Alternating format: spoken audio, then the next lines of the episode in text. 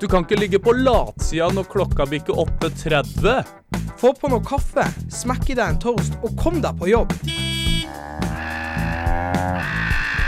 Du hører på Radio Voldas morgensending. God morgen, Søre Sunnmøre. Og eh, ja, det er eh, fredag i dag, så god fredagsmorgen. Dere kom dere gjennom denne arbeidsuken også. Gratulerer med det. Og en annen ting.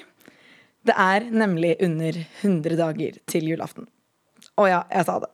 Og noen vil kanskje si at, at det er litt tidlig å begynne å snakke om eh, jul nå. og det sier jeg også, jeg er helt enig i det. Men jeg tenker at man må ha noe å glede seg til, så jeg skal i hvert fall begynne å telle ned. Kanskje begynne å planlegge litt sånn julegaver og sånn. Vi får se. Jeg heter eh, Kaja Stoltenberg, og jeg vil anbefale dere å bli værende på kanalen her den neste halvtimen. For i tillegg til eh, god musikk så skal dere få høre om en rettssak som starter i Møre og Romsdal neste uke. Og vi skal finne ut av hvorfor ikke klokka på klokketårnet på Volda kirke funker. Men aller først, eh, god morgen til deg også, Erlend Arnesen. Du er her i studio og skal gi oss eh, nyheter. Det stemmer. Eh, vi starter med Volda. Det veltet ut røyk fra et vogntog som hadde stoppet på ferjekaia i nettopp Volda klokka sju torsdag kveld. Det skriver avisa Møre. Røyken kom fra bremsene på hengeren til vogntoget pga. varmgang. Brannmannskap, politi og helse rykket ut til stedet, og etter om lag 20 minutter med nedkjøling kunne brannvesenet avslutte arbeidet på stedet. Flere reagerer på at det foregår dumping og brenning av avfall tett inntil fylkesveien ved Storevika naturreservat på Sandsøya i Sande kommune, skriver Vestlandsnytt. Byggleder Eivind Voldsund i fylkeskommunen ber nå om tiltak for å rydde opp, samtidig som han oppfordrer bygdesamfunn både her og andre steder om å unngå denne type aktivitet. Det er tatt initiativ for å få etablert nye fartsgrenser i havnene i Sande. På møtet i kommunestyret 13.9 stilte Sindre Slettestøl fra Høyre spørsmål om saken. Han synes det er opp til kommunene å fastsette fartsgrensene i havnene. Dette skriver Vestlandsnytt. Kommunedirektør Anders Hammer sier at kommunen ikke har jobba med en slik sak, men at han er kjent med at Herøy har innført nettopp slike fartsgrenser. Og til slutt så tar vi med oss litt fotball. Ørsta sitt herrelag i fotball vant enda en kamp denne uken. Emblem kom på besøk, og kampen endte 5-2 til Ørsta. Nå ligger Ørsta på femteplass på tabellen i fjerde divisjon. Og nyhetene de fikk du av Erlend Arnesen. Ja, tusen takk. Og Erlend kommer tilbake når klokka nærmer seg ni for å gi oss aller siste nytt. Vi skal snart snakke litt om frivillig arbeid, for flere organisasjoner de sliter etter korona. Men aller først så skal vi høre 'Prom' av Augustin. Etter korona så har antallet frivillige i Norge sunket, og noen av de som har merket dette, det er studenthuset Rocken i Volda. Denne uken så måtte de nemlig stenge to dager pga. mangel på frivillige. Og de er redd for at de må kutte ned enda mer på tilbudet. Vi har stengt i hvert fall mandag og tirsdag neste uke òg. Eh, og så har vi redusert noen torsdager til vanlig kafé-pub fremfor å ha event, som vi vanligvis har. Rett og slett fordi vi har ikke folk til å gå rundt. Studenthuset Rocken har behov for rundt 300 frivillige, men nå har de bare 130. Leder i Studentsamfunnet i Volda, Bodil Lerøy, synes det er rart at ikke flere melder seg nå som studenthuset har åpnet for fullt etter korona. Eh, I år er første gang vi har fått klart å gjøre ting skikkelig igjen. Fordi det å gå på jobb det er én ting, men du går jo på jobb for å treffe de du kjenner som du er glad i. Er, vi må nå bare prøve å fronte oss mer eh, på høgskolen og få folk eh, mer engasjerte. Få frivillige til å spre kanskje ordet mer i klasser. og i vennegjenger. Du må nå ikke være student for å være frivillig heller. Thea Katrin Hårskjold er frivillig. Egentlig skal de frivillige jobbe to vakter i måneden, men hun har i gjennomsnitt hatt rundt ti vakter de siste månedene for at ting skal gå rundt. Det merkes ufattelig med er, ikke nok folk til å på en måte kunne ha åpne både storsal, galleri og kafé. For vi har for seg rett og slett ikke vakter til å kunne stå og passe på i tilfelle det skulle skje noe. 2022 er frivillighetens år. Det er et tiltak fra regjeringen for å rette søkelyset mot frivillig sektor. Prosjektleder for Frivillighetens år, Birgitte Brekke, forteller at et av målene er å få flere med. I dette flomlyset som vi skal rette på frivillig sektor i 2022, eh, så må vi få foreningslivet og de frivillige til å gå ut og danse. alle disse måtene som det går an å delta i frivillig sektor på, det skal vi se en økning i i år. Pandemien har ført til en reduksjon i eh, andelen som er med som frivillige. Men selv om deltakelsen har sunket, så er ikke Brekke i tvil om at frivillighetsarbeidet kommer til å gå opp igjen. Altså, det vi så før koronaen, det var det at uh, deltakelsen i uh, frivillig sektor var, var, økende. Jeg tror absolutt at vi, uh, at, at, at vi, kommer til å se at den tendensen til, til, å være med i frivilligheten, at det kommer til å øke, øke igjen. Og for Bodil Lerøy er rocken mer enn bare frivillig arbeid. jeg skal ikke lyve. Det betyr faktisk alt for meg.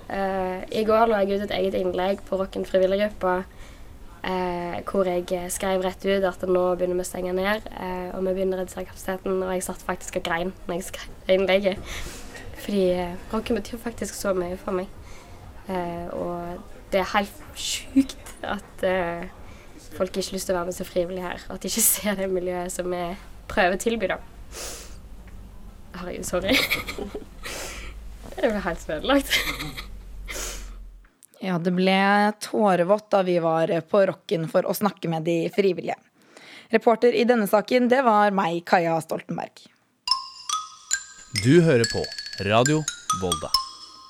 På mandag så starter det en omfattende rettssak i Møre og Romsdal tingrett mot eh, Havila Kystruten. Og i studio så er du eh, journalist i Nærnett Benjamin Andersrød, og du skal følge denne saken. Og aller først, hvorfor er eh, Havila saksøkt? Uh, Havila er saksøkt fordi underleverandøren Norwegian Marine Interior, forkorta til NMI, hevder de har krav på 15 millioner kroner for tilleggsarbeid de har utført. Jeg har vært i kontakt med styrelederen i Langset-gruppen, som eier NMI. Og han sier at uh, Havila stikker ifra regningen. Så um, Havila er jo uenige og mener at det ikke finnes noen avtale her. Så det er det som er grunnen til at de nå møtes i retten. Da. Og hva slags selskap er eh, Havila Kystruten?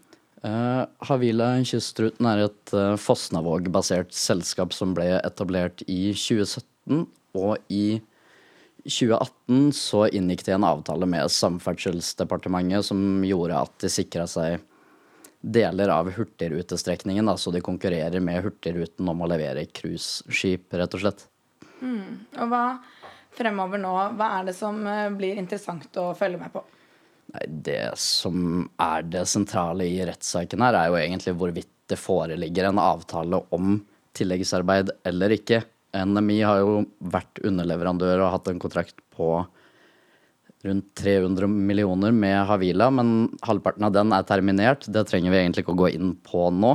Men de hevder Havila hevder at hvis NMI har noen avtale i det hele tatt, så har de en avtale med et tyrkisk verft, og ikke direkte med Havila. Så NMI mener at de har den direkte avtalen, og det er egentlig striden her, da. Mm, og den starter på mandag, er det sånn? Ja, rettssaken er beramma til å gå hele neste uke i Ålesund tingrett, eller Møre og Romsdal tingrett da, i Ålesund. Og du skal følge med på, følge med på den? Yes. Eh, jeg og en annen kollega reiser over til Ålesund og følger saken og kommer med daglige oppdateringer, forhåpentligvis. Um, det er også verdt å presisere at vi har vært i kontakt med Havila, men de ønsker ikke å forhåndsprosedere saken i media før den starter i retten, som de så fint sier. Og det betyr jo egentlig bare at de ikke ønsker å uttale seg. Ikke sant. Det blir spennende å følge, følge, med på det. Eh, du kommer nok helt sikkert til å komme tilbake med noen flere oppdateringer til uka når rettssaken har startet. Og i tillegg så er det jo da å bare gå inn på nærnett.no, hvor du også har skrevet en sak om dette, for de som vil høre mer. Tusen takk for at du kom, Benjamin. Vi skal snart få høre litt om hvorfor eh, klokken står stille i klokketårnet i Volda. Men aller først skal vi få litt uh, musikk. Om du rusler rundt i Volda sentrum og lurer på hva tiden er, så er ikke klokka på Volda kirke til noe hjelp. For klokken har nemlig stått stille en stund, og det er ikke første gang det har oppstått problemer med klokka. Det kan virke som at tiden i Volda har stoppet. Eller det har i hvert fall det, skal vi tro urverket på Volda kirke. Nå er det over et år siden sist voldingene kunne lene seg på det 90 år gamle kirkeuret. Vi lurte på var om du hadde lagt merke til at eh, kirkeklokken har stoppet? Ja, mange ganger har jeg lagt merke til det. Ja, det er fullt klar over, ja. Når jeg er ute og, og går i Volda, så eh, i stedet for å se sånn, så pleier jeg å se på klokketårnet. Mm. Så Det går ikke nå lenger. nei. Det har vært litt greit å ikke bare ha en sånn dyr klokke som bare står der uten batterier, for å si det sånn. En kirkeklokke bør virke. For hvem er det egentlig som styrer tiden oppe i tårnet? Flere lokale og ansatte i kirken har prøvd å få tiden til å gå. En av dem er kirketjeneren Arild Andenes. Jeg må vise dere og forklare dere hva vi har gjort når vi kommer opp i selve tårnet. Her er det veldig trangt og mørkt. Men vi skal videre opp. Så hvis dere ser her, så har vi drevet og jobba eh, med urverket. Det er fullt av fett og gris, og det er skittent.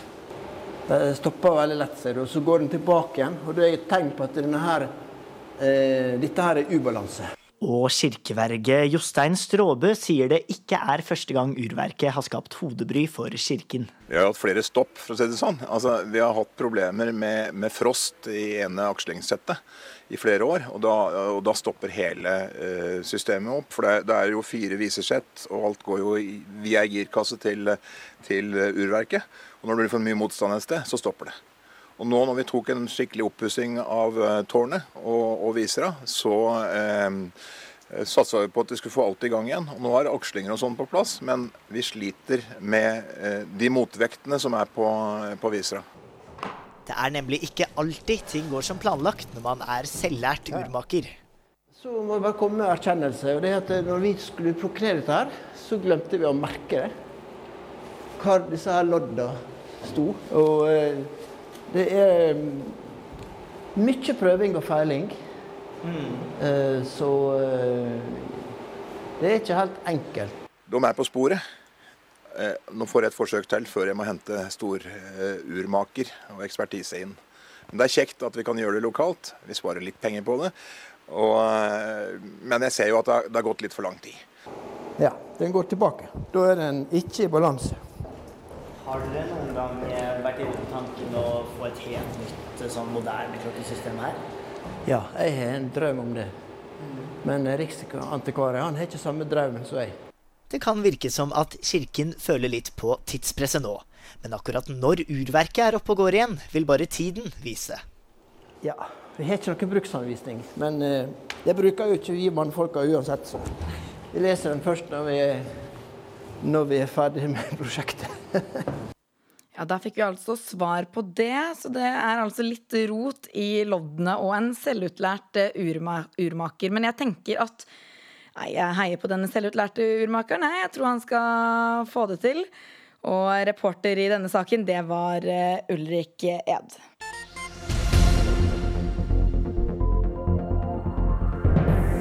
Her Det veltet ut røyk fra et eh, vogntog som hadde stoppet på ferjekaia i Volda klokka sju torsdag kveld. Det skriver avisa Møre. Røyken kom fra bremsene på hengeren til eh, vogntoget pga. varmgang. Brannmannskap, politi og helse rykket ut til stedet. Etter om lag 20 minutter med nedkjøling kunne brannvesenet avslutte arbeidet på stedet. Flere reagerer på at det foregår dumping og brenning av avfall tett inntil fylkesveien ved Storevika naturreservat på Sandsøya i Sande kommune, skriver Vestlandsnytt. Byggeleder Eivind Voldsund i fylkeskommunen ber nå om tiltak for å rydde opp. Samtidig som han oppfordrer bygdesamfunn både her og andre steder om å unngå denne type aktivitet. Det er tatt initiativ for å få etablert nye fartsgrenser i havnene i Sande. På møtet i kommunestyret 13.9 stilte Sindre Slettestøl fra Høyre spørsmål om saken. Han synes det er opp til kommunene å fastsette fartsgrensene i havnene. Dette skriver Vestlandsnytt. Kommunedirektør Anders Hammer sier at kommunen ikke har jobba med en slik sak, men at han er kjent med at Herøy har innført nettopp slike fartsgrenser. Så tar vi med oss litt fotball til slutt, hvor Ørsta sitt herrelag vant enda en kamp denne uken. Emblem kom på besøk, og kampen endte 5-2 til Ørsta. Nå ligger Ørsta på femteplass på tabellen i fjerde divisjon. Og det var nyhetene, det, ved Erlend Arnesen. Tusen takk, Erlend. Og nå er klokken altså snart to på ni, som vil si at denne morgensendingen er ferdig. Og vi i Radio Volda vi tar jo også helg, så vi er ikke tilbake før eh, neste uke. Men da skal vi vekke dere klokken halv ni hver dag. I studio så hadde du meg, Kaja Stoltenberg, og ansvarlig redaktør i Radio Volda er Øyvind Hegstad.